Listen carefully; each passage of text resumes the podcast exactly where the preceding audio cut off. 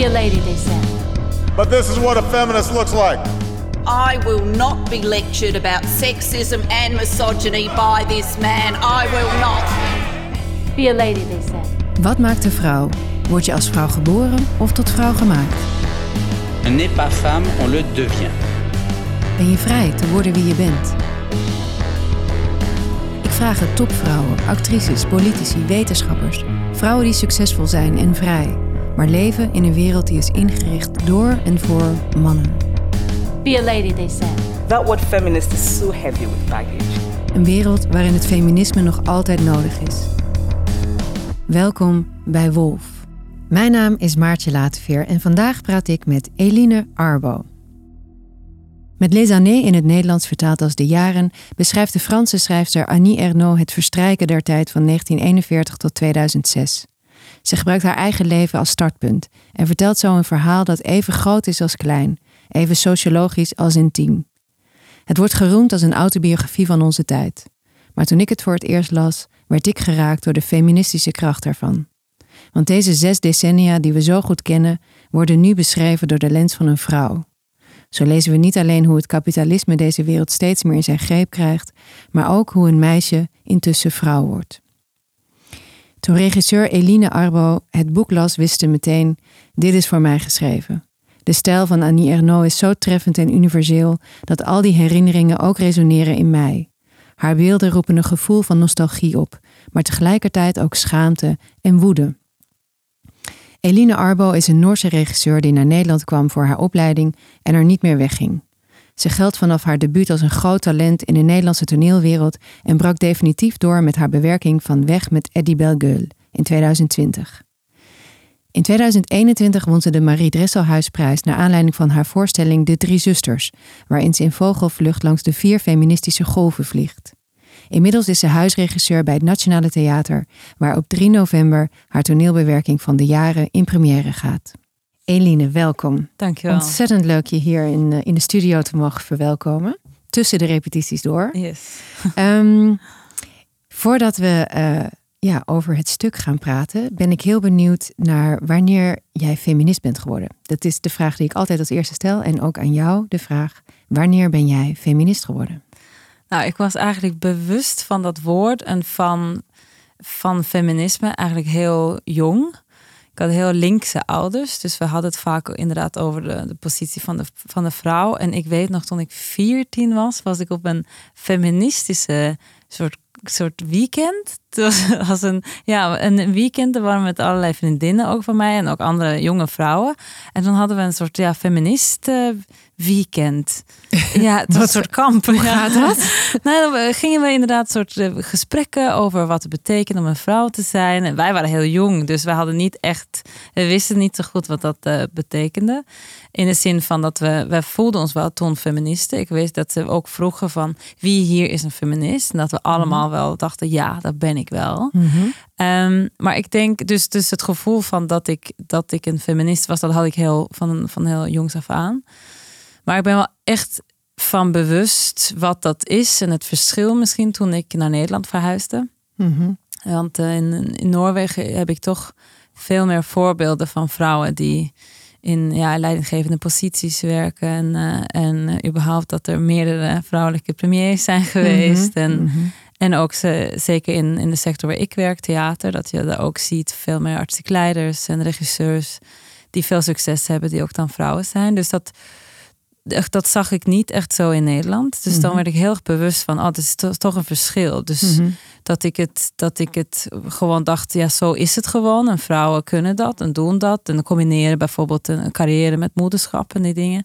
Dat, uh, dat was niet zo vanzelfsprekend in Nederland. Dus daar ben ik wel echt bewust van dat het wel belangrijk is om te zeggen, ik ben feminist. Ja, want eigenlijk merkte je dus toen je in Nederland kwam dat we hier achterlopen ten opzichte van waar jij vandaan komt, van ja, Noorwegen. Ja, in die zin wel. Ik bedoel, achterlopen, ik heb er veel discussies hierover met mensen, omdat uh, enerzijds, ik bedoel, in Noorwegen is het zo dat het uh, ook als je, als je een, een, kind krijgt, dan, dan de, de crash, de, de opvang. Uh, je hebt sowieso, sowieso verlof, een jaar verlof ongeveer. En de man heeft ongeveer vier maanden, de vader of de partner. En dan is het, eh, de, de opvang is zo geregeld dat je als kind daar van acht tot vier of vijf van maandag tot vrijdag bent. En dat is zwaar gesubsidieerd. Mhm. En zo ben ik ook. Ik ben ook in eh, opvang geweest van, van maandag tot vrijdag eh, acht tot vier. En, ehm, en dat, dat is natuurlijk heel erg om te stimuleren dat vrouwen eh, fulltime werken. Mhm. En dus de- als je het vraagt over achterlopen, ja, in die zin eh, loopt Nederland achter. Tegelijkertijd moeten we misschien ons vandaag de dag ook afvragen: is dat dan de wens? Is dat wat emancipatie is? Dat iedereen zoveel werkt als Mhm. mogelijk. En Dus ik- kinderen elke dag naar de kinderopvang gaan. Ja, en, en, en misschien deze, dat idee van dat, we, dat iedereen eh, maar fulltime moet werken en de, de, de carrière moet hebben. Misschien is dat niet de beste manier om gelijkheid te krijgen. In de zin Mhm. van misschien moeten we allemaal iets minder gaan werken. Mhm. Of moet je op een andere manier je leven inrichten. Ja. Dus het is een, inderdaad van een, van, van een idee van, van vrouwenemancipatie heel goed. Dat die mogelijkheid daar is.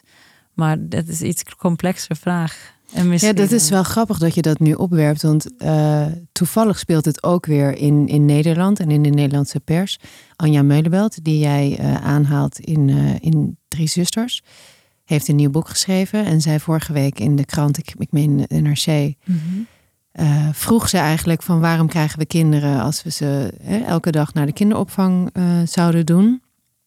Waarop dan weer een columnist eh, dit weekend in de krant schreef dat dat toch echt een archaïsche vraag, vraag is die we niet meer mogen stellen in het licht van de vrouwenemancipatie.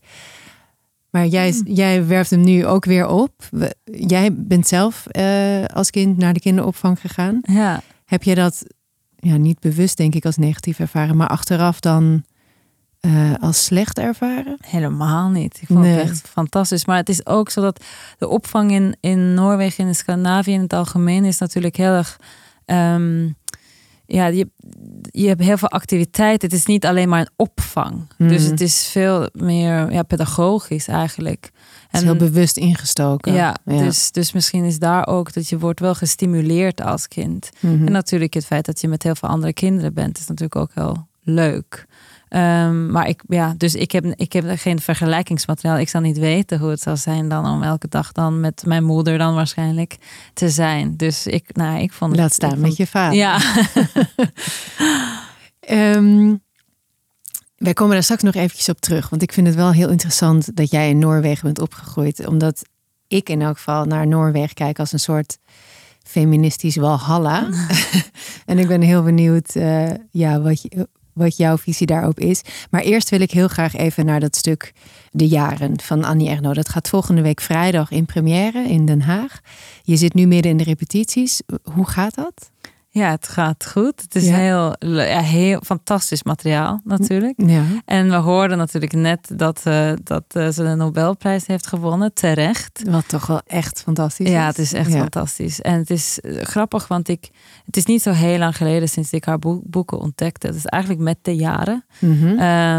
Wat ik denk in 2019, zegt dat goed, vert- vertaald werd. Ja, dat zou goed kunnen. Ja. Ehm, en daarna ben ik gewoon heel veel van haar andere boeken gaan lezen. En ik vond het, ik was verbaasd dat ik dit nog nooit eigenlijk eerder had gelezen en Ja. eerder tegen was gekomen. Dus ik vond, vind het heel goed en belangrijk dat ze nu hopelijk dan een brede publiek ook ja. f- krijgt door die Nobelprijs. Want en, wat eh, sprak je zo aan dan in eerste jaren en toen haar andere boeken? Ik vind haar heel eh, precieze manier om het leven van een vrouw te beschrijven. Dat doet ze ook in de jaren. Terwijl de meeste mensen die de jaren eerst misschien lezen, eh, eh, voelen een soort zich overweldigd door al die reclames en producten en de maatschappelijke veranderingen die heel erg belangrijk zijn in dat boek. Maar dat had ik ook. Maar toen ik het nog een keer las, eh, voor de tweede keer voelde ik eh, heel sterk dat leven van een vrouw, dat dat eigenlijk de, de, de rode draad was in het boek en hoe belangrijk dat is. Wat nog meer versterkt werd door haar andere boeken. Mhm. Bijvoorbeeld Meisjesherinneringen. Dat vond ik zo'n ehm, ja, ontroerend en herkenbaar boek. Over zo'n eerste seksuele ervaring, wat zo duidelijk vanuit de blik van een vrouw is geschreven. Dat was voor mij heel nieuw om zoiets te lezen. En ook heel fris dat het zo lang geleden is geschreven. Dus niet vanuit. Natuurlijk heb je v- vandaag de dag best veel eh, feministische of bewuste schrijvers en bewuste schrijvers die, die over de, de vrouwelijke ervaring schrijven. Maar ook al toen in die tijd. Dat, Mhm. eh, dat vond ik eh, heel erg mooi. In Meisjesherinneringen schrijft ze over haar eerste seksuele ervaring op Ja. een kamp. Dat is geen fijne Nee. ervaring. Dat, dat, dat, daar schrijft ze ook openlijk over. Herkende je dat ook? Wat je, want ze doet dat heel knap. Hè? Ze, ze- Ja. ze schrijft heel knap over iets wat, nou ja, wat lijkt op een aanranding, maar het ja, technisch gesproken misschien niet is, omdat ze daar is en misschien wel toestemming heeft gegeven. Dus die, die verwarring, die beschrijft ze heel erg Ja. eh, ja, invoelend voor Ja. veel vrouwen. Hoe las jij dat? Ja, ik had dat ook. eh, ik vond het heel herkenbaar. Dat gevoel van. Ze beschrijft ook iets van. eh, dat ik had misschien kunnen weggaan. Ik had misschien het licht aan kunnen doen en, en me aankleden. Maar ik voelde gewoon niet dat. Dat, eh, dat ik voelde dat ik hem iets schuldig was eigenlijk. Ja, Dat ik dat hij de macht had. dat hij de macht had, maar ook dat zij voelde van, ja, ik heb hem in deze eh, toestand gebracht. Dus ik moet dat ook eh, gewoon ja, weten te, af te ronden op Ja. een of andere andere manier met hem. Dus die, dat, bijna dat schuldgevoel. Ik ben je iets schuldig.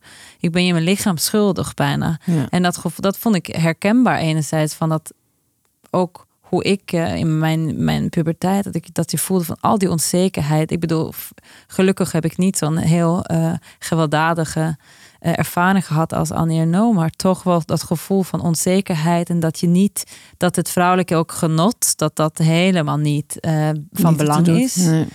En, en dat, dat, dat vind ik heel herkenbaar, ja. Dus ja, en ook niet, veel respect vrouwen- is ook niet belangrijk. Nee. Want hij behandelt haar echt wel respectloos. Ja, ja, Maar dat, dat, op de een of andere manier vindt ze het moeilijk om daar hem eh, op aan te spreken of hem dat kwalijk te nemen. Alsof het vanzelfsprekend is bijna. ja. Dat hangt natuurlijk ook nauw samen met die onzekerheid, die Ja. ik ook heel herkenbaar vond. Maar wat ze ook schrijft, wat heel belangrijk en mooi is in dat boek, is dat ze, ze beschrijft hoe, hoe ze eh, zich niet vernederd voelde toen. En dat ze het eigenlijk, dat ze terugkijkt naar de zomer en denkt, dit is gewoon de mooiste zomer van mijn leven geweest. En ik denk dat is iets wat wij nu natuurlijk kunnen denken, ja, maar dit is een situatie die, die, die echt verschrikkelijk is geweest. En ze, daarna heeft ze ook, eh, het doet haar veel, dat beschrijft ze dan later in de meisjesherinneringen, wat dat allemaal doet met haar lichaam. Dat ze eigenlijk in een, in een haar lichaam raakt in een soort paniektoestand. En, en eh, maar, maar dat ze toch gewoon die, ja, dat, is, dat vind ik het scherpste van haar, dat ze beschrijft dat. En het is zo in dat grijs gebied, ook haar eigen emoties daaromheen. Ja, ja. Het is niet dat, dat ze, dat ze alleen op het moment van die avond, eh, die paar avonden wat, dat ze met hem naar bed eh, is geweest, dat ze, dat ze voelt van, oh ja, dit ging niet, misschien niet helemaal goed hoe ik het wilde dat het zou gaan. Maar toch ook daarna, dat ze dan Mhm. in die tijd denkt, dit was toch ook fantastisch. Ik, ik heb de lichamen van mannen ontdekt. ze. Dus ze voelt ook van, nu ben ik volwassen. Het is voor haar een heel belangrijke... ja. ehm, Het is haar en- eerste keer ook. ja, het is haar Dus, eerste ja. keer. En die dubbele gevoelens voor, voor jonge vrouwen, voor, voor pubers, dat je voelt van ja, het is, dit is iets ook wat ik moet doen of iets, maar ook iets wat ik wil. Ik wil ook horen bij de volwassenen. Ik wil een ander soort leven. Ik wil die vrijheid hebben. Dat is natuurlijk zo'n mixed feelings. En dat vind ik heel scherp en mooi beschreven. Ja, en inderdaad heel goed wat je, wat je zegt over haar eigen emoties daarin. Ze wil die, ja, ze wil die ervaring, omdat ze dan tot het vrouwdom behoort. Maar zij houdt zelf ook helemaal geen rekening met haar eigen verlangens en haar eigen wensen. Nee. Zoals die man ook niet doet en zoals niemand om haar heen doet. Dus dat is eigenlijk iets wat, wat meisjes, waar, ze mee op, waar we mee opgroeien. Ja. Het doet er eigenlijk niet zo toe wat jij wil. Nee. Je moet gewoon ja, ontmaagd worden, dan, dan ben je vrouw. En dat doe je op een bepaalde manier Ja. waar vooral zijn verlangen leidend is of zo. Ja, ja. En dat vind ik herkenbaar. Zo was het ook in mijn tijd. Maar dat was, ik ben natuurlijk opgegroeid ook voor, sowieso voor Me Too. En voor, ik was een, een, een, een- ja, een, een puber voor Me Too en voor social media. Dus dat is Ja. ook toch een heel andere realiteit Ja. dan nu, denk ja, ik. Zeker. Het is beter en slechter geworden, denk ik, eh, met, eh, met het internet op een of andere manier.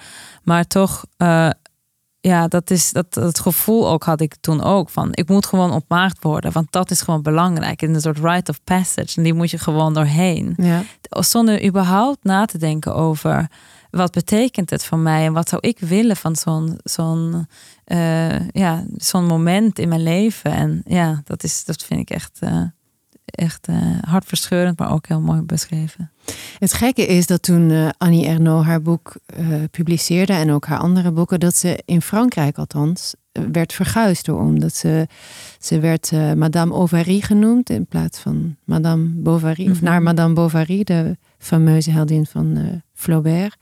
En ovary naar eh, het eh, Franse woord voor baarmoeder of eierstokken, geloof ik. Ehm, omdat zij zo schreef over dit soort schijnbaar particuliere ervaringen. En dat werd toch gezien als, als eh, vrouwen ja, geneuzel. En ook toen Les Années uitkwam, werd ze nog onbeschaamd genoemd en onfatsoenlijk. Denk je dat er nu, nu heeft ze de Nobelprijs ontvangen, eh, jij brengt haar stuk naar de planken. Is er een soort momentum nu?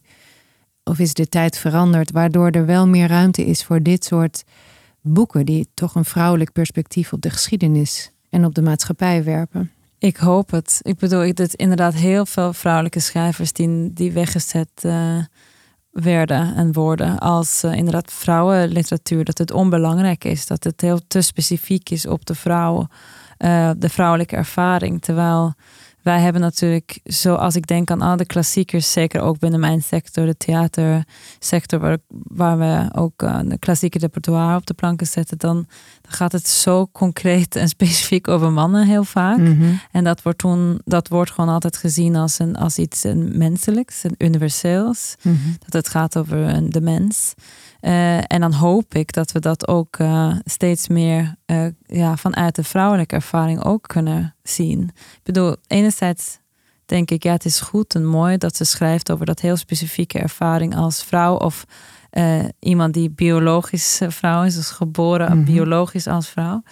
Ehm, en dat, dat dat heel goed is dat dat er specifiek daarover gaat. Maar ik lees ook in haar boeken iets wat he- heel universeel is. Ja. En dat kunnen we ook omarmen, denk Ja. ik. Want dat is dat, ja, dat, en dat hoop ik dan ook nu met de Nobelprijs, dat eh, dat, dat Ja. ook zal gebeuren. En voor meer schrijvers hopelijk. Ja.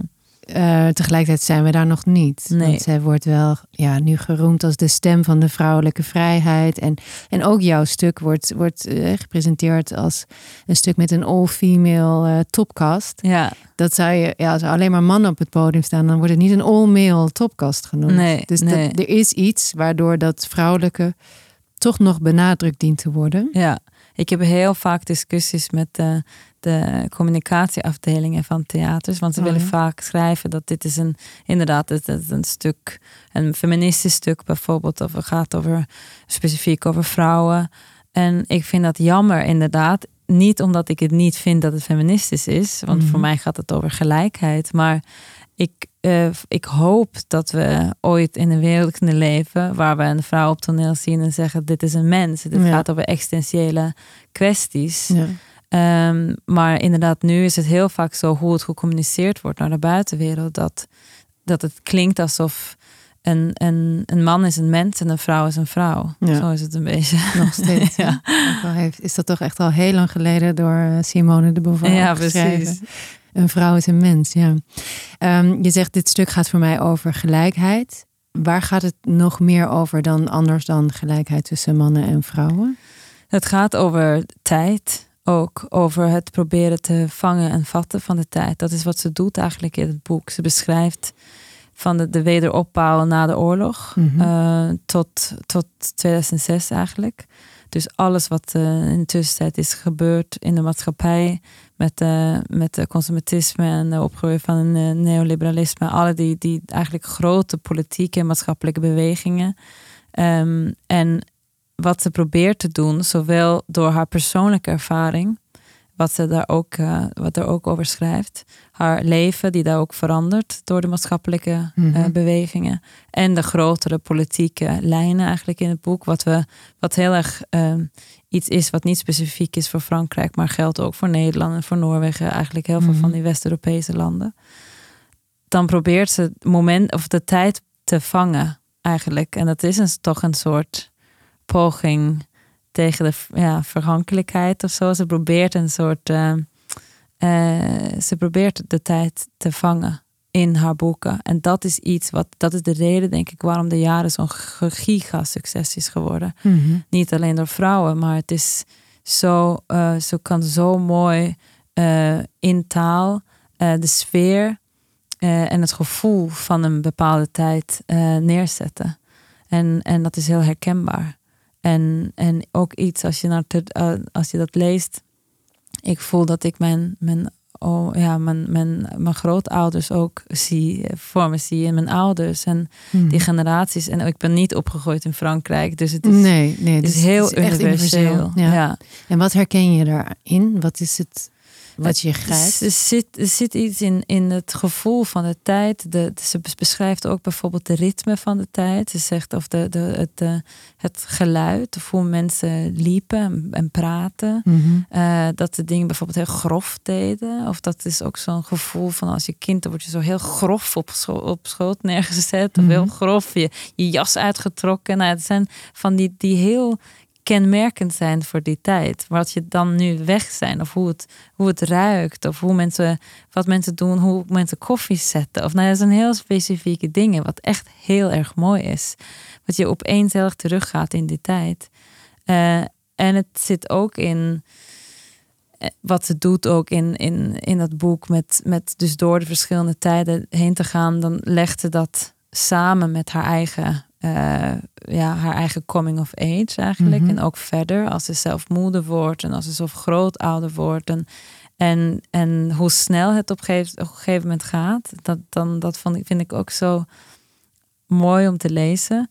Zij is dan eigenlijk een oude vrouw als de computer komt. En dat Mhm. vindt ze verschrikkelijk. Mhm. En dat kan ik natuurlijk heel erg mijn oma in zien. Weet je wel, Mhm. die de mobiele telefoons, dat begrijpt ze allemaal niet. En dus het is ook heel mooi hoe ze zo eh, eh, smacht naar iets wat nu is als ze jong is. En alles wat dan nu is, dat is fantastisch. En ze wil meer, meer, meer. En dan toch, als het komt naar de tijd waar ik, wat ik ken natuurlijk, zo de computer, mobiele telefoons en dit soort dingen, dan vindt ze dat, dan wil ze eigenlijk de tijd proberen te remmen. Dan Ja. wil ze eigenlijk dat de tijd een beetje stopt. Ja. Dus het zit heel erg mooi en herkenbaar in, denk ik. Nou ja, ik zal dat ook ervaren op, in- als, ik, als ik ouder word. En we hebben nu een cast natuurlijk, die bestaat uit actrices tussen de 25 en 75. Dus we hebben heel veel gesprekken ook hierover. Van Ja. net die blanke dan, die 75 is, die zegt dan ook van, ja, dit is mijn leven. Ik vind dit zo moeilijk. Of Ja. dit, ja. En dat is zo mooi, dat je eigenlijk door een hele leven kan gaan. En, en, en toch ook die specifieke momenten van hoe dat is. Ja, nee, ja, dat is... Dat is heel melancholisch eigenlijk Ja, ook. ja. Wat ik ook wel heel mooi vond toen ik het las, althans, was dat ze het verontrustende ook zo voelbaar weet te maken. Want zelfs als je niet een, eh, een oma bent ehm, en moeite hebt met de komst van, van nieuwe technologieën, voel je wel de, de destructieve effecten van dat consumentisme wat opkomt, het kapitalisme, het neoliberalisme. En dat, dat, dat voel je doordat ze zo schrijft, althans zo las ik het, over de, de nepheid of de leegte erachter. Achter al die dingen die dan als zo mooi worden gepresenteerd. Of als zo vooruitstrevend of progressief. Terwijl je voelt, maar jij als particuliere vrouw in deze geschiedenis wordt helemaal niet echt tot je diepste geraakt erdoor. Nee, Dus het ja. is ook zo'n valse belofte. Totaal, ja. En dat is heel mooi. Ze beschrijft ook over... Ja, het is niet die, die, die... Bijvoorbeeld dat mensen zo voor de, de rekken van H&M en Zara... dat mensen eigenlijk probeerden een soort een nieuwe mens te worden voor eventjes. Precies, en dan, en, ja. Maar met het bewustzijn dat dat allemaal een paar dagen zo blijft. allemaal buitenkant. Ja, totaal. En dat is heel mooi. En, en ook wel... eh, belangrijk, denk ik, om, om bewust te zijn van dat ze schrijft heel erg van een, van, vanuit de positie van een linkse en intellectuele vrouw. Dat voel je ook heel sterk in Ja. het boek. Eh, dus het is, dat, dat is haar positie daarin. Zij is, eh, ze heeft niet zoveel inderdaad over van de kapitalisme en de neoliberalisme die opkomt. En, en over Le Pen en, en dit soort eh, Mhm. mensen die dan, die dan opeens ja, haar wereld of overneemt. En dan, dan zie je ook een beetje een soort de apathie. Die je ook natuurlijk voelt in de linkse, of voelt in de linkse Mhm. kant van, van, of van politiek of van mensen. Op een gegeven moment van, ja, we kunnen het niet stoppen. Dus we Dus gaan ons maar, gewoon, ja. ja. Dus ik, ik ga gewoon even me op mezelf richten. Ja. Dus het is heel, heel interessant. En dan zie je heel erg die beweging van ja, hoe is het zover eh, gekomen? Omdat mensen het eigenlijk niet die, de, en, de, de, de, de energie meer hebben. Net zoals zij ook. We worden gewoon vermoeid. Ja. We, we kunnen niet meer. Dus we richten ons gewoon weer op onszelf. En zo gaan gewoon die bewegingen eigenlijk werkt zichzelf in de hand. Ja. Jij eh, geeft de strijd niet op. Als in, jij, eh, jij maakt eh, stukken die, ja, die wel in elk geval ideologisch te noemen zijn. Zo niet activistisch. Zie jij daarin ook, en je deed het ook met eh, Weg met Eddie Belgeul en nu weer, en ook met de Drie Zusters. Al jouw stukken hebben een boodschap en gaan over klassenverschillen, over ongelijkheid, over feminisme. ehm, en je, je, je, bent, je schuwt die thema's niet en je schuwt ook niet een, een visie daarop. Zie jij jezelf ook als een activistische eh, theatermaakster? ja, wat is activistisch? Ik denk in zekere zin word ik zo gezien omdat ik, eh, wat je zegt ook, deze thema, thema's behandelt. En dat ik, ik vind dat eh, theater is me, laat me zo zeggen, theater is voor mij altijd ook maatschappelijk en politiek. Ik vind het belangrijk is dat het ook emotioneel kan zijn. En dat het een, in die zin een ervaring kan zijn wat, wat je, wat niet alleen, ja, niet alleen, niet alleen politiek is. Maar ik vind het toch ook belangrijk dat we gaan nadenken over hoe we samenleven en wat dat betekent. En ik heb toch ook heel veel meningen en gedachten over dat er veel dingen moeten en kunnen veranderen. En dan vind ik dat belangrijk om die thema's dan te behandelen in mijn stukken. En als je dan kijkt naar, naar, naar die jaren en je, je bekijkt het wel even als een feministisch stuk, wat het er- ergens ook is, want het, Mhm. is, het gaat over de opkomst van het consumentisme en het neoliberalisme, maar wel degelijk over de gevolgen daarvan, specifiek ook voor vrouwen. Ja. En de positie van vrouwen in de maatschappij en hun seksuele ontwikkeling en eh, hun mogelijkheden. Wat moet er dan, wat, wat is dan jouw, jouw eh, grootste strijdpunt daarin? Wat, wat vind je dat er moet veranderen? Er moet best veel dingen veranderen. Ja, terwijl ik het vroeg, dacht ik, ja, dat is natuurlijk een hele stomme vraag. Want het is niet één ding. Maar ja, wat, Ehm, wat is je visie op feminisme nu? De stand van feminisme nu? Ik heb het idee dat feminisme nog meer belangrijker is geworden. Ik bedoel, als we nu zien wat op, op moment gebeurt in Iran, maar ook in de VS met de abortus. Ik bedoel, we gaan, Mhm. we leven ook in een best conservatieve tijd. En het is heel belangrijk om bewust te zijn van die maatschappelijke ontwikkelingen. En ik denk dat is ook wat, wat ik zo eh, belangrijk en mooi vind aan haar boek. Dat je ook ziet inderdaad de opkomst, de eerste golf van feminisme, eh, de recht op abortus, al die dingen die, die, die gebeuren, de pil, weet je wel, die geïntroduceerd wordt. En, en, ik denk, we moeten eh, bewust zijn dat dat is iets wat echt hard gevochten zaken zijn. En niet iets wat cadeau is gegeven. Mhm. Eh, en, en dat zie je ook nu, eh, vandaag de dag. Dat is, dat daar moeten we echt bewust mee omgaan. En dat zegt zij ook, of Annie Ernaux heeft in een interview, dat is nadat ze de jaren heeft geschreven, want dat is natuurlijk in 2006. Mhm. Maar ze zei dat, eh, dat, ze, dat ze nog de MeToo mocht meemaken. Dat vond ze heel erg bijzonder. Dat had ze eigenlijk niet verwacht. Dat het Mhm. nog zo'n revolutie zou komen, zoals zij dat benoemt. En, en dat is natuurlijk heel mooi. Dat, je dat, dat, dat is heel hoopvol. Maar toch, na MeToo zie ik ook natuurlijk heel veel dingen. Nou ja, wat u beschrijft. Dat eh, let's not take it for granted. Mhm. Nee, zie jij MeToo als een revolutie? Eh, in zekere zin is het een revolutie omdat we kunnen daar naar terug refereren. Dus het is een Mhm. moment in de tijd. Niet alleen, het heeft invloed gehad, maar dat we kunnen zeggen, kunnen, wij kunnen bepaalde gedragspatronen eh, benoemen als iets. En dat Mhm. is denk ik heel belangrijk geweest. Dat als je iets, een, een nare ervaring hebt, dan heb je een soort ja, eh, een titel om te zeggen: dit is dat en Ja. dit is niet dat. Dus ik, in die zin is het een revolutie, denk ik, omdat de bewustzijn in onze hele maatschappij, die is gewoon veranderd Ja. rondom die kwestie. Tegelijkertijd zie je het natuurlijk steeds gebeuren. Het is niet zo dat het, Het is niet voorbij op- is. nee. Nee. Eigenlijk is dat, dat eh, wat Annie Ernaux schrijft in Meisjesherinneringen, is waar MeToo over gaat. Ja, Namelijk dat, ja, wat nu dan het grijze gebied wordt genoemd, alsof het niet helemaal duidelijk is wat er nou wel en niet kan. Ah, Dat hangt natuurlijk heel erg samen met, met zo'n meisje die dan denkt iets te moeten doen, omdat Ja. dat hoort bij meisje zijn en vrouw worden. ja, En ook niet heeft geleerd zichzelf te respecteren of haar eigen grenzen te verkennen. ja. Dat maakt het ook zo moeilijk natuurlijk. om- Natuurlijk, ja. Maar ja, we kunnen ook wel de wetten veranderen om dit mogelijk, om het makkelijker te maken voor Ja. de slachtoffers, zoals we in Zweden hebben gedaan. Dat je het, het is niet meer zo dat je alleen nee gezegd moet hebben. Moet, Nee, je moet ook ja zeggen. moet, je moet ja, ja. zeggen. Dus ja, dat is in steeds meer landen nu. Hè? Is dat in Noorwegen al? Nog niet, Nee. volgens mij. Nee, nog niet. Maar dat is, dat is nat- natuurlijk iets. Ik bedoel, de wetten moeten dan ook veranderen. Ja. En ik hoop dat, dat we dat, eh, dat eh, meer en meer zullen zien. Want alleen zo kan je inderdaad. Ja, an- anders is het heel moeilijk om, om, om het echt te veranderen, denk ik. Natuurlijk rondom bewustzijn voor, voor jonge vrouwen. Dat ze, wat je ook zegt, dat, dat ze weten, dit, dit hoort niet zo. En ik heb, eh, ik heb recht om ja of nee te zeggen. En ik hoef niet te voelen dat ik iets moet doen. Of iemand te pleasen of zo. Maar de, de, de onzekere gevoelens van pubers, die zullen natuurlijk net- nog altijd blijven. Precies. Ja. En dus moeten we in, denk ik, als maatschappij hun ook, en, ja, hun ook helpen. En alle slachtoffers helpen die zo, zo goed dat we kunnen. ja. Zo'n wetgeving.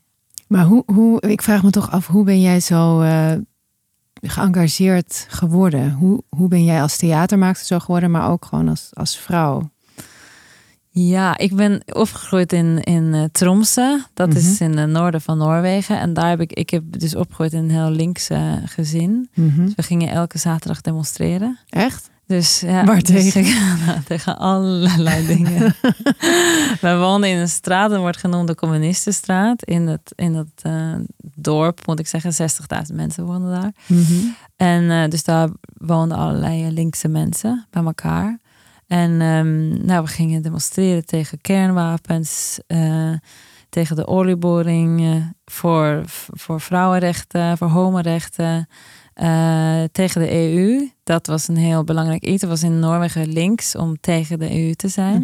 Terwijl hier, toen ik naar Nederland verhuisde, dus begreep dat het andersom was. Ehm, dat vind ik zo interessant, want hier ging het dan over solidariteit op een of andere manier, een soort tussen de Mhm. landen. Maar in Noorwegen werd het gezien echt als het grote eh, kapitalistische monster. Eh, vrije Oh, handel, mm. neoliberaal. Wat natuurlijk ook van zijn waarheden.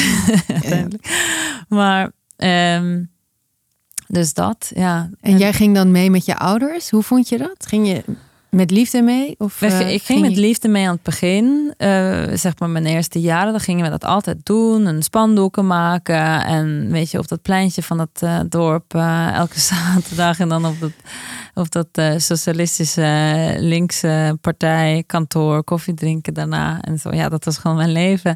en, toen, en toen ik puber werd, vond ik dat een beetje, vond ik dat natuurlijk heel irritant. Mhm. En wil ik dat niet meer doen. Het is een beetje een soort alsof je elke zondag naar de kerk moest. En dan als je puber bent, denk je, dan ga ik mijn eigen plan trekken. Mhm. Ehm, dus dat had ik ook. En toen had ik ook tegelijkertijd, toen ik puber was, begon ik heel erg met, was ik met toneel bezig en met vrienden. We maakten dan toneelvoorstellingen samen. En, en begon ik meer en meer. Ik was ook zelf op, op, eh, op, op, op toneel, dat ik, eh, dat ik eh, acteerde. Maar toen vond ik het toch leuker om te maken en te regisseren. En zo is dat ook ontwikkeld. En in theater vond ik toch meer ja, ruimte voor de twijfel en voor de verbeelding. En Mhm. voor, eh, het was niet zo zwart-wit als die demonstraties, is wel heel Mhm. duidelijk één kleur. Ja. en, eh, en, en zo is dat eigenlijk ontwikkeld, dus samen met, met theater. Dus je hebt het theater ontdekt, maar je hebt dat wel, ge- ja, je gebruikt het wel als kanaal eigenlijk om dan je eigen vorm van activisme te, te beleiden. Kan Ja. je dat zo zeggen? Ja, dat kan je zeggen, ja. Eh, en ik vind dat... En op een of andere manier ben ik natuurlijk ook teruggegaan in die zin naar een, een be- bepaalde vorm van activisme. Omdat eh, met mijn theatervoorstellingen kan ik natuurlijk een publiek bereiken. Ja. Dus, in die, dus in die zin is daar eh, de mogelijkheid om, Ja. om, om iets te, te uiten of iets te zeggen van dit vind ik van, van de maatschappij. Maar ook eigenlijk het liefst niet zo zwart-wit neer te zetten. Mhm. Ehm, soms doe ik dat in voorstellingen Drie Zusters. Was in, was, had, had ik een heel lange feministische speech geschreven voor eh, de personage Natasha tegen het einde van het stuk. Eh, dat eigenlijk in, in wij waren het beland in, in, in de huidige tijd. Mhm. Na al die decennia met verschillende ehm, manieren van, vrouwen, van vrouwenemancipatie. En, en dat was een heel, ja, heel heftige, vurige speech over Ja. hoe het nou eigenlijk zit. En dat was, wat sommige mensen vonden dat te, te hard of te, moet ik zeggen, dat het, ehm, dat het niet genuanceerd genoeg was. Maar voor mij dacht ik, ja, dat, is, dat mag ook in, in, dat was natuurlijk ook een klein deel van het stuk. En, maar ik dacht, ook, het is ook leuk om soms wel gewoon heel fel en hard iets te zeggen. En voor het volgende stuk misschien zeg ik iets anders of tegenovergestelde. Ja. Maar dat kan ook. Dus Want het denk, zijn de personages die het zeggen. Het, het is, fictie. personage, het Ja. is fictie. Ja. Maar je hebt wel Tsjechov, eh Tsjechovs origineel heb je bewerkt. Ja. Je hebt eh, teksten van Virginia Woolf gebruikt en eh, zelfs van Anja Meulenbelt. Ja. En wat eigenlijk het grootste verschil is, is dat in, in Tsjechovs origineel zijn de drie zusters zijn vrij passief. ja, Eigenlijk een beetje zoals je net zei over ehm, wat Annie Ernaux eigenlijk beschrijft. Dat ze apathisch wordt ja. van de kracht eigenlijk van het kwade. Mhm. Dat ze daar zich, ja, die is te sterk of te groot, dat, dat mensen zich er maar bij neerleggen. Dat was eigenlijk ook een beetje met de drie zusters in Tsjechov. Maar Ja. jij hebt ze veel actiever en gepassioneerder gemaakt. ja. Was dat, dat was neem ik aan een bewuste keuze. Ja, dat wist ik. Zit daar ook een visie achter dat je vindt dat we te passief zijn als, als vrouwen? Niet als vrouw in het algemeen. Ik vond het wel toen ik verhuisde naar Nederland. Ik was verbaasd dat, omdat ik was, ja, ik was verbaasd dat er niet, eh, niet veel meer gedemonstreerd werd. Of dat er niet veel Niet elke mensen- zaterdag. Niet elke zaterdag. Daar was ik gelukkig mee gestopt. Maar eh, nee, dat was toen eigenlijk werd het niet, wat, wat waren mensen niet zo politiek bewust. Hmm. En ik woon hier inmiddels tien jaar. En al de afgelopen vijf jaar is dat heel erg veranderd. Ja. Ik heb het gevoel dat het eigenlijk een soort nieuwe, ja, dit is een soort nieuwe golf van polit- politiek, poli- politiek activisme eigenlijk. Dat mensen juist gaan demonstreren en zich uiten en heel veel meningen hebben over de samenleving. Dus dat vind ik een heel positieve ontwikkeling eigenlijk. Ja. Want alleen zo kunnen we iets veranderen natuurlijk. ja, maar geloof je daarin inderdaad? In de kracht van demonstreren? ik geloof in de kracht van demonstreren en de kracht van de kunst en de kracht van het schrijven. En ik, ja, op allerlei manieren hoe je eigenlijk eh, de gedachten eh, kan ontwikkelen rondom eh, hoe, we, ja, hoe we leven. Hey, je zei al, ja, toen ik naar Nederland kwam, toen werd ik eigenlijk pas echt feminist. Althans, toen zag ik dat het echt nog nodig was. Wat was daarvoor dan jouw visie op feminisme? Was dat iets buiten jouzelf? Iets waarvan je dacht, dit moet elders in de wereld, moet hier nog een strijd gestreden worden? Of wat was het voor jou? Dat je op je veertiende wel zei, ja, ik ben eh, feminist, of dat kan. Nou ja, met feminist dacht ik altijd dat het betekende gelijkheid. Dat is, dat is, dat is wat ik heb geleerd. En ook hoe he- erg hoe de Noorse samenleving, eh, wat, wat, ja, wat daar- daarop gebaseerd is. De Noorse samenleving, dat gelijkheid is echt het belangrijkste woord. Ehm, dus dan voelde ik dat, dat, dat vond ik vanzelfsprekend eigenlijk, dat dat zo was. Ehm, en ik heb niet echt toen, denk ik, na. Ik had wel het gevoel dat ik altijd eh, kon doen wat ik wilde, studeren wat ik, wat ik wilde studeren. En wat ik ook zei hiervoor, dat, dat ik veel voorbeelden ook had van, van vrouwen die heel veel eh, interessante en toffe dingen deden. Ehm, dus ik had het idee dat je eigenlijk alles kon doen. Maar op een gegeven moment, ehm, ja, dat is natuurlijk ook zo eh, in Noorwegen zoals in de rest van de wereld. Eh, het is ook wel het glazen plafond he- bij heel veel, in heel veel beroepen. En, en toch ook een soort mens club Uh, ook bijvoorbeeld binnen het theater en binnen de kunstsector en, en, literatuur. Dat, dat zie je toch ook. En dat is iets wat we denk ik ook bewuster mee om moeten gaan. En dat ik ook dus veel meer bewuster ben. Ja, ik, ik, ik, ik denk daar ook veel aan als ik. Uh, of nou ja, ik dacht eraan toen ik naar Nederland kwam. Dat vond dat dat was heel veel meer aanwezig, naar mijn gevoel. Hoe mannen of hoe mijn mannelijke collega's werden Ehm, ja, hoe over hun wordt gesproken en geschreven. En dat vond ik interessant. En dat, het, dat, dat je ook ziet bijvoorbeeld, dat soms is dat mijn angst. Bijvoorbeeld nu dat ik veel stukken maak over met vrouwelijke protagonisten. Toch een soort angst dat ik neergezet word als soort vrouwenregisseur. Wat heel interessant is, een beetje Annie Ernaux. Een beetje Madame Ovary. Ja, precies. Dat ik dat ben van de Nederlands theater. Maar toch denk ik, ja, maar dat, dat uh, ik, ik, ga gewoon, ik ga gewoon door in wat ik doe. Want dit vind ik interessant en belangrijk. En hopelijk, ik bedoel, als ik het niet doe, uh, ik moet blijven geloven en ik blijf geloven dat we ooit in een wereld zullen leven waar dat dit totaal vanzelfsprekend is en waar we niet gaan hebben over dit is vrouwenliteratuur of mannenliteratuur mm. of vrouwenkunst of mannenkunst. Mm. En alleen wij kunnen dat veranderen. Dus zo moeten we gewoon doorgaan en blijven zeggen. Het is belangrijk. Ja, en eh, je hebt de tijd mee, denk ik. Ja. Als in je wordt alom gerespecteerd en niet, niet althans naar mijn idee, niet, niet neergezet als een uh, typische vrouwenregisseur uh, of, of niet met de dédain althans waarmee nee. Annie Arnaud werd bejegend. Ja. Uh, maar het verschil is natuurlijk inderdaad wel dat het altijd wordt benoemd dat het over een vrouwelijk perspectief gaat. Of ja, wat ik net al zei, die all-female topcast. Ja. Um, ik vind het heel sterk aan jou dat je je daar niet door laat belemmeren. Wat veel vrouwen denk ik wel doen, of althans hebben gedaan. Ja. Heb jij dat in de rest van je leven ook? Voel jij je belemmerd als vrouw in andere aspecten van je leven? Niet als theatermaker, maar gewoon als, als vrouw? Uh, eigenlijk, ik bedoel, nu niet meer zo. Ik had dat vroeger wel, mijn gevoel dat ik niet zo serieus werd genomen. Dat had ik wel vroeger heel, heel sterk het gevoel. Um, en dat ik dat wat ik zei niet, niet, ja, niet belangrijk was. Of dat, uh, en dat was lang voor ik zeg maar bang werd om een vrouw, vrouwenregisseur te, te zijn. Of dat daarmee zo actief mee bezig was.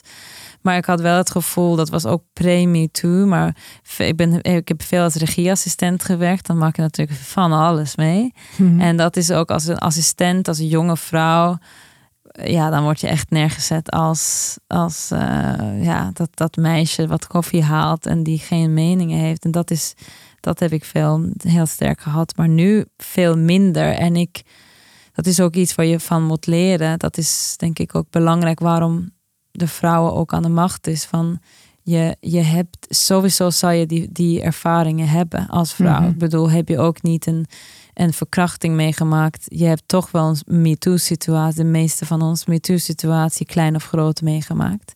En het bewustzijn, bewustzijn van, van dat dat dus gebeurt. En ik denk zeker ook nu, wat ik, waar ik meer in, uh, ja, in, dat ik een leidinggevende functie heb, natuurlijk in, met mijn werk. Hoe je met mensen omgaat, veiligheid op de mhm. werkvloer. Mhm. Dat dit zijn ook uh, dingen wat mij bezighoudt. Omdat ik heb gezien in mijn leven hoe anders dat kan zijn. Mhm. En ik zeg niet dat alle mannen dat doen, absoluut niet. Want er zijn heel veel uh, mannelijke leiders die juist heel erg goed en fijn zijn. Maar ik denk dat een en diversiteit aan ervaringen, wat je sowieso zal krijgen met een diverse soort leiders, dat dat heel belangrijk is voor onze maatschappij. Mm nu, begon je ergens met uh, begon je vraag te. Ja. Ik eindigde Ja, nee, maar het is heel interessant, want je doet me denken aan wat ik zelf altijd voel, is uh, dat dit soort ervaringen op mij enorm vat hebben. Dat als er, als ik word weggezet als, als een meisje, wat ik toch echt niet meer ben. Maar als ik op een bepaalde manier niet serieus word genomen of als ik uh, seksistisch word bejegend, of, uh, dan relateer ik dat altijd aan mezelf. Dan denk ik altijd, oh, dit komt omdat ik niet slim genoeg ben of mm. niet uh, serieus genomen moet worden. Of, dat is mijn instinctieve neiging. Ja. En ik heb, ik heb er lang over gedaan om te begrijpen dat dat, dat een, een reactie is die voortkomt uit een gebrek aan een basis in mij en dat het niet de waarheid is. Ja. Maar mijn, mijn theorie die ik een beetje daaromheen heb, heb bedacht, is wel dat als je niet die sterke basis van zelfvertrouwen hebt, dan ben je niet zo goed bestand tegen dit soort ervaringen. En dan is de kans groot dat, je, dat die ondermijnende invloeden ook daadwerkelijk jou kleiner maken. Ja, Omdat je ja. jezelf kleiner maakt eigenlijk, in Ja. antwoord daarop.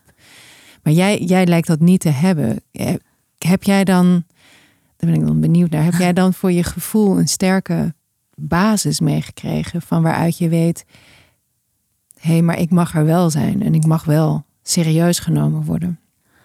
Eh, ik denk dat ik een, ik denk dat ik een, ik heb, ja, ik denk dat ik een goede basis heb. Ja, ik heb het gevoel dat ik, ehm, dat het me lukt om niet zo eh, beïnvloed te worden door wat mensen dan van me vinden en wat ze zeggen. En ik, natuurlijk moet je wel eh, eh, constructieve kritiek meenemen als mens. Dus je moet die filteren op een goede manier. En natuurlijk, ik heb een werk wat, wat publiekelijk natuurlijk Ja. wordt beoordeeld. Ja, En dat kan soms wel pittig zijn, maar dat is een oefening in, in hoe, je dat, hoe je daarmee omgaat. Mhm. Ehm, ja, of ik dat van huis uit heb gekregen of niet, dat weet ik niet. Ik ben juist een beetje eh, op, op vrij jonge leeftijd verhuisd, omdat ik niet meer eh, thuis wilde wonen. En ik had, ik, ik had eh, op middelbare school, ja, vanaf mijn middelbare school heb ik eigenlijk op kamer gewoond. En, en ik had drie bijbandjes om, om de huur te betalen. En, Zo, en ik, had, ik werkte dubbel elk weekend en deed middelbare school. als scholier. Ja. Zo. Dus het, ik, ik denk, misschien heb ik dat zelf gebouwd, denk Mm. ik. En niet per se vanuit, eh, vanuit mijn ja, ouders. Dus Misschien eigenlijk uit dat- overleven. Ja, dat denk ik. Wat sterk. Dus, eh, dus dat en ook nou ja, al die projecten wat ik had opgestart toen met de to- toneelprojecten wat ik deed, ook- deed daar- daarnaast dus ook in mijn vrije tijd was ook gewoon een, een heel belangrijk voor mij geweest en heel vormend in, in ik, ik leefde heel erg ehm, zelfstandig op een jonge leeftijd, maar ik deed ook probeerde ook dus projecten te, te creëren waarvan ik mijn, mijn creativiteit kon gebruiken. Dus ik heb dat denk ik een beetje zo zelf Hmm. geleerd op een of andere manier. Nou, wat sterk. Hey, en nu eh, ben je in Nederland ben je een gevierd theaterregisseur. Je, je woont al tien jaar hier. Blijf jij ook hier? Heb jij, jij Noorwegen verruild voor Nederland? Dat land waar je van dacht, hé, hey, jullie lopen wel achter op feministisch vlak. Veel van mijn Noorse vriendinnen zeggen: waarom woon jij in Nederland? Eh, omdat ze voelen, zij voelen ook inderdaad van dit is, ik bedoel, het verschil is groot als je kijkt naar, naar vrouwen en, en hier en daar. Mhm. Ehm, maar ik, het is ook iets wat. Ehm, het is ook een, een, hier een minder homogene samenleving eigenlijk dan Noorwegen. De gelijkheid is heel goed. Ik bedoel, dus het gaat heel goed in Noorwegen. Maar eh, ja, je ziet toch ook dat mensen een beetje hetzelfde wordt. Dus de diversiteit is groter. En ook wat betreft de kunsten in Nederland. Dus je Mhm. hebt een, een veel, ehm, ja, een veel rijker eigenlijk kunstsector. dat vind ik. Mhm. En een theater in het specifiek. Dus dat, dat inspireert wel ook heel erg. En natuurlijk, hier is het heel veel te doen. Dus hier moeten we zijn om de wereld te veranderen. Ja, nou, is, ja, ja, hier is veel te winnen bedoel je. Maar wa- toch even terug naar wat je zei. De, hier, de vrouwen hier zijn wel echt anders dan Noorse vrouwen. Waar zit hem dat in? Ehm, nou ja, ik denk, ik praat bijvoorbeeld veel met, met Nederlandse vrouwen hier over hoe het daar is. En om hun te laten ook begrijpen dat het gaat over politieke wil. Heel veel mensen zeggen bijvoorbeeld, ja natuurlijk hebben jullie eh, die verlof en gesubsidieerd eh, opvang en al die dingen omdat jullie hebben oliegeld. Maar in Zweden en Denemarken hebben ze die wetten ook en daar hebben ze geen oliegeld. Dus het gaat over politieke wil en het gaat over hoe je, eh, wat je eist eigenlijk van je, van je, van, van, van, Van je kabinet. Ja, van Ja. je kabinet Mhm. eigenlijk. En dat, daar kunnen wij een invloed op hebben. Dat denk ik echt. Ehm, dat, dat zie je ook. Maar dat is, eh, dat, dat moeten we, daar moeten we voor, voor strijden en vechten. En ik denk dat dat, heel, ja, dat is belangrijk om hier ook te doen. Dus we moeten nog strijdvaardiger worden. We moeten we gaan al meer de straat op, maar zou je zeggen we moeten nog meer de barricade op, op alle mogelijke manieren? Ja, en niet per se demonstreren. Ik bedoel, dat is een heel mooi middel en dat kan, maar ik, dat is dat. Maar we moeten inderdaad, dat gaat over een bewustwording ook. Ja. En dat is ook iets met theater of met schrijven. Of Ja. dat kan je ook, dat, daar, zo kun je dat ook eh, creëren in de mensen. Een discussie Ja. rondom de, hoe we leven. En ik denk, ja, er zijn heel veel dingen waar ik me afvraag, waarom is dit eh, zo in Nederland? Bijvoorbeeld, nou ja, bijvoorbeeld dat we hier eh, die, die- voor de zorg, dat dat niet gratis is, dat het niet een deel is. Nou, dat, zo is het in, in veel Scandinavische landen. Zorg voor de kinderen bedoel je? De Nee, nee, ik bedoel zorg, ik bedoel ehm, Eh, eh, genees, gezondheidszorg. ja, gezondheidszorg. Dat dat, dat nu we hier van- marktwerking hebben. Ja, dat Ja. vind ik echt krankzinnig. Dat is in Noorwegen niet. Nee. Mm. Dat, dat dit soort dingen waardoor gewoon de respect voor de mens en, en ja, dat vind ik eh, dat je daar dat, dat laat afhangen van, van hoeveel centen je hebt. Ja, ik vind dat echt eh, heel gek. En dat klinkt, het klinkt als een soort van socialistie. Maar ik denk toch dat we moeten gaan naar een samenleving waar de kansen eh, iets meer gelijk zijn. Dus Ja, je zei dat in het begin al, hè? De, Ja. de, ehm, dat die hele discussie over of vrouwen wel of niet hun kinderen naar de kinderopvang brengen, eigenlijk zou moeten gaan over het aantal uren dat we met z'n allen werken, mannen en vrouwen. En of dat eigenlijk eh, ja, wel goed is en niet aan discussie onderhevig. Wat mij op de vraag brengt, eigenlijk, die ook met Annie Ernaux de, jaren te maken heeft, is dat hele kapitalistische systeem waarin we leven, met alle gevolgen voor het aantal uren dat we werken, maar ook het, eh, geld wat we moeten verdienen om te consumeren, al die ehm, tendensen waar zij zo mooi over schrijft, zijn die ehm, nog nadeliger voor vrouwen, denk jij, dan voor mannen? Ja, dat, dat, dat denk ik. En ik denk niet alleen dat ik. Ik denk dat kan je ook zien in studies. Ik bedoel, vrouwen werken vaak dubbel. Dus ze werken, ze hebben dat, dit, dat, dat zorg voor de kinderen, het thuis, wat alles moet gebeuren. En dus ook een carrière. Dus heel vaak komt het toch gewoon op het bord van de vrouw. En dat is, dat, dat is, dat is, eh, daar kunnen we inderdaad iets aan doen, hopelijk. Dat we niet, want we zeggen nu, ja, als je een carrière moet hebben als vrouw, eh, dan moet je heel veel werken. Zo is dat ingericht. Je kan niet zeggen, ik neem dan elke dinsdag en vrijdag vrij. Dan kom je niet verder. En dat zie je Mhm. ook in Nederland van deeltijd werken. Dat zorgt ook voor eh, dat heel veel vrouwen niet kunnen klimmen in die posities en, en, en niet in de, de leidersfuncties krijgen.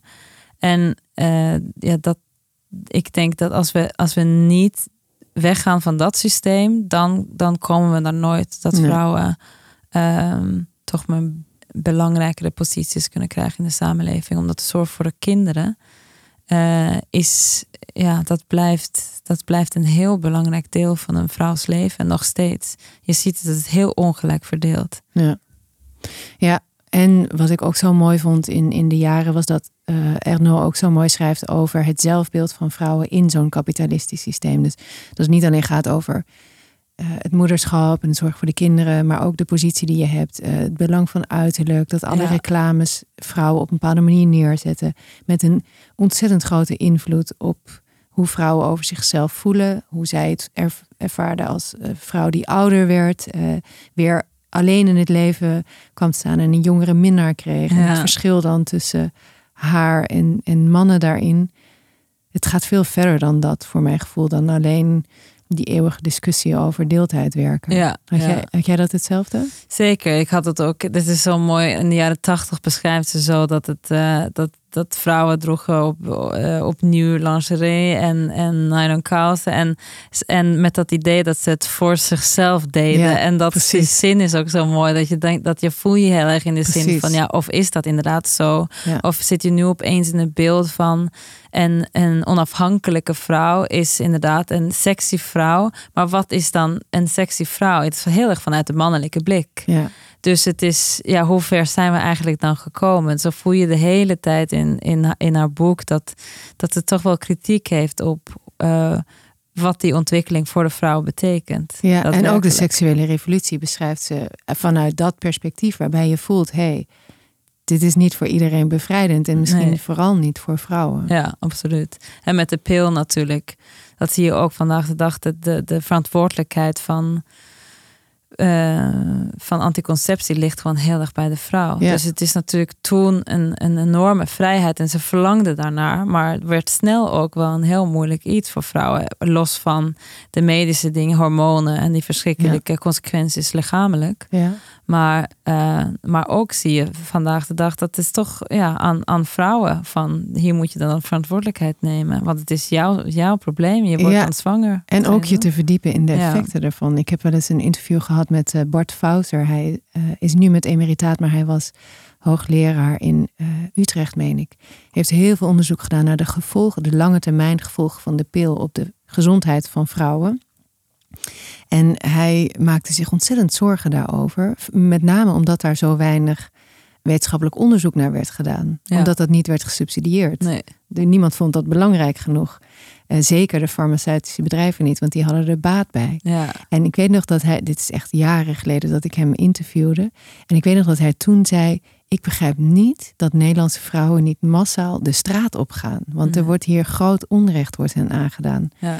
En dat is altijd in mijn achterhoofd blijven hangen. Van er gebeurt zoveel eh, voor ons, met ons, waar we helemaal geen weet van hebben, Nee. waar we ons niet bewust van zijn. We Nee. slikken die pil, we, we, doen, we doen gewoon, we draaien mee in die maatschappij. En zetten geen vraagtekens Nee. bij dingen waar we misschien wel vraagtekens bij zouden moeten zetten. Zeker, dat is heel belangrijk. Ik bedoel, ik heb dat ook. Ik ben begonnen zo op 16 met de pil en gestopt op 31. En ik had altijd dat idee van. Eh, mijn zus en mijn, mijn moeder die zijn gewoon iets slanker dan ik. Dus ik ben gewoon iets anders gebouwd. Dat is prima. Zo dacht er verder niet zoveel over na. Toen ben ik gestopt met die pil. Ben ik 10 kilo afgevallen in één klap. Zo, Maar mijn, lichaam, mijn lichaam was dus anders. Maar vanwege de pil, Ja, vanaf de 16e gewoon begonnen. ja. En eh, nooit gestopt toen ik wel, ja, Wat super jong is, hè? als je 30 was. beseft dat Ja, de echt. pil legt je hormoonhuishouding lam. Het is gewoon eigenlijk Het is, Wat Fauser zei was dat het echt een, het is gewoon een paardenmiddel. Ja, het kan ook veel eh, geleidelijker. maar dat je dus eigenlijk ook niet jezelf kan leren kennen. Nee. En de cyclus die natuurlijk is, weet je, Ja. voor een vrouw. Om, Ja. En dat je je lichaam natuurlijk heel erg eh, beïnvloedt. Dat vind ik achteraf gezien, denk ik, oei oei oei, dit, dit Ja. had ik gewoon willen weten. ja, Want het was precies. vanzelfsprekend, het was zo makkelijk. Het was gewoon iets wat iedereen deed, Ja, die pil slikken. ja. Eh, maar en dus ja, dat, eh, ik heb het gevoel dat jonge vrouwen nu iets meer bewuster hiermee omgaan, denk ik, hoop ik. Ja, ja, dat wordt vaak gezegd Nou, nee, bij dit soort dingen. zo. Dat de jonge generaties er bewuster mee omgaan. Maar Ja. het is zeer de vraag of dat bewustzijn dan ook beklijft en consequenties heeft. Ja, Want zoals je al zei, het begint bij bewustzijn. ja, En als je, eh, als, als je verder niet de middelen hebt om daar iets mee te doen, dan schik je je ook gewoon naar wat er is. ja, Dat vind ik ook eh, de kracht uiteindelijk van het boek van Annie Ernaux. Zij beschrijft een heel tijdsbestek dat wij als vanzelfsprekend hebben ervaren. Maar zij beziet het als van een afstand en zet vraagtekens bij dingen die, als je er goed over nadenkt, eigenlijk niet kloppen. ja, ja. Maar we leven wel in de gevolgen ervan. Dus er is niemand geweest die die, die vraagtekens toen heeft gezet. Nee, nee. En dat is denk ik omdat mensen zich erbij neerleggen. ja, Want we hebben ook gewoon ja, he- geen tijd hiervoor, toch? Het leven gaat maar door. ja. We leggen ons Dus- bij heel veel dingen neer. Ja. Ja, zeker. Nou, zoals Nou ja. de pil. Het is echt ongelooflijk. Ja, nou ja, gelukkig zijn er theatermakers zoals jij. Ja. Die, eh, die ons bewust maken van dingen.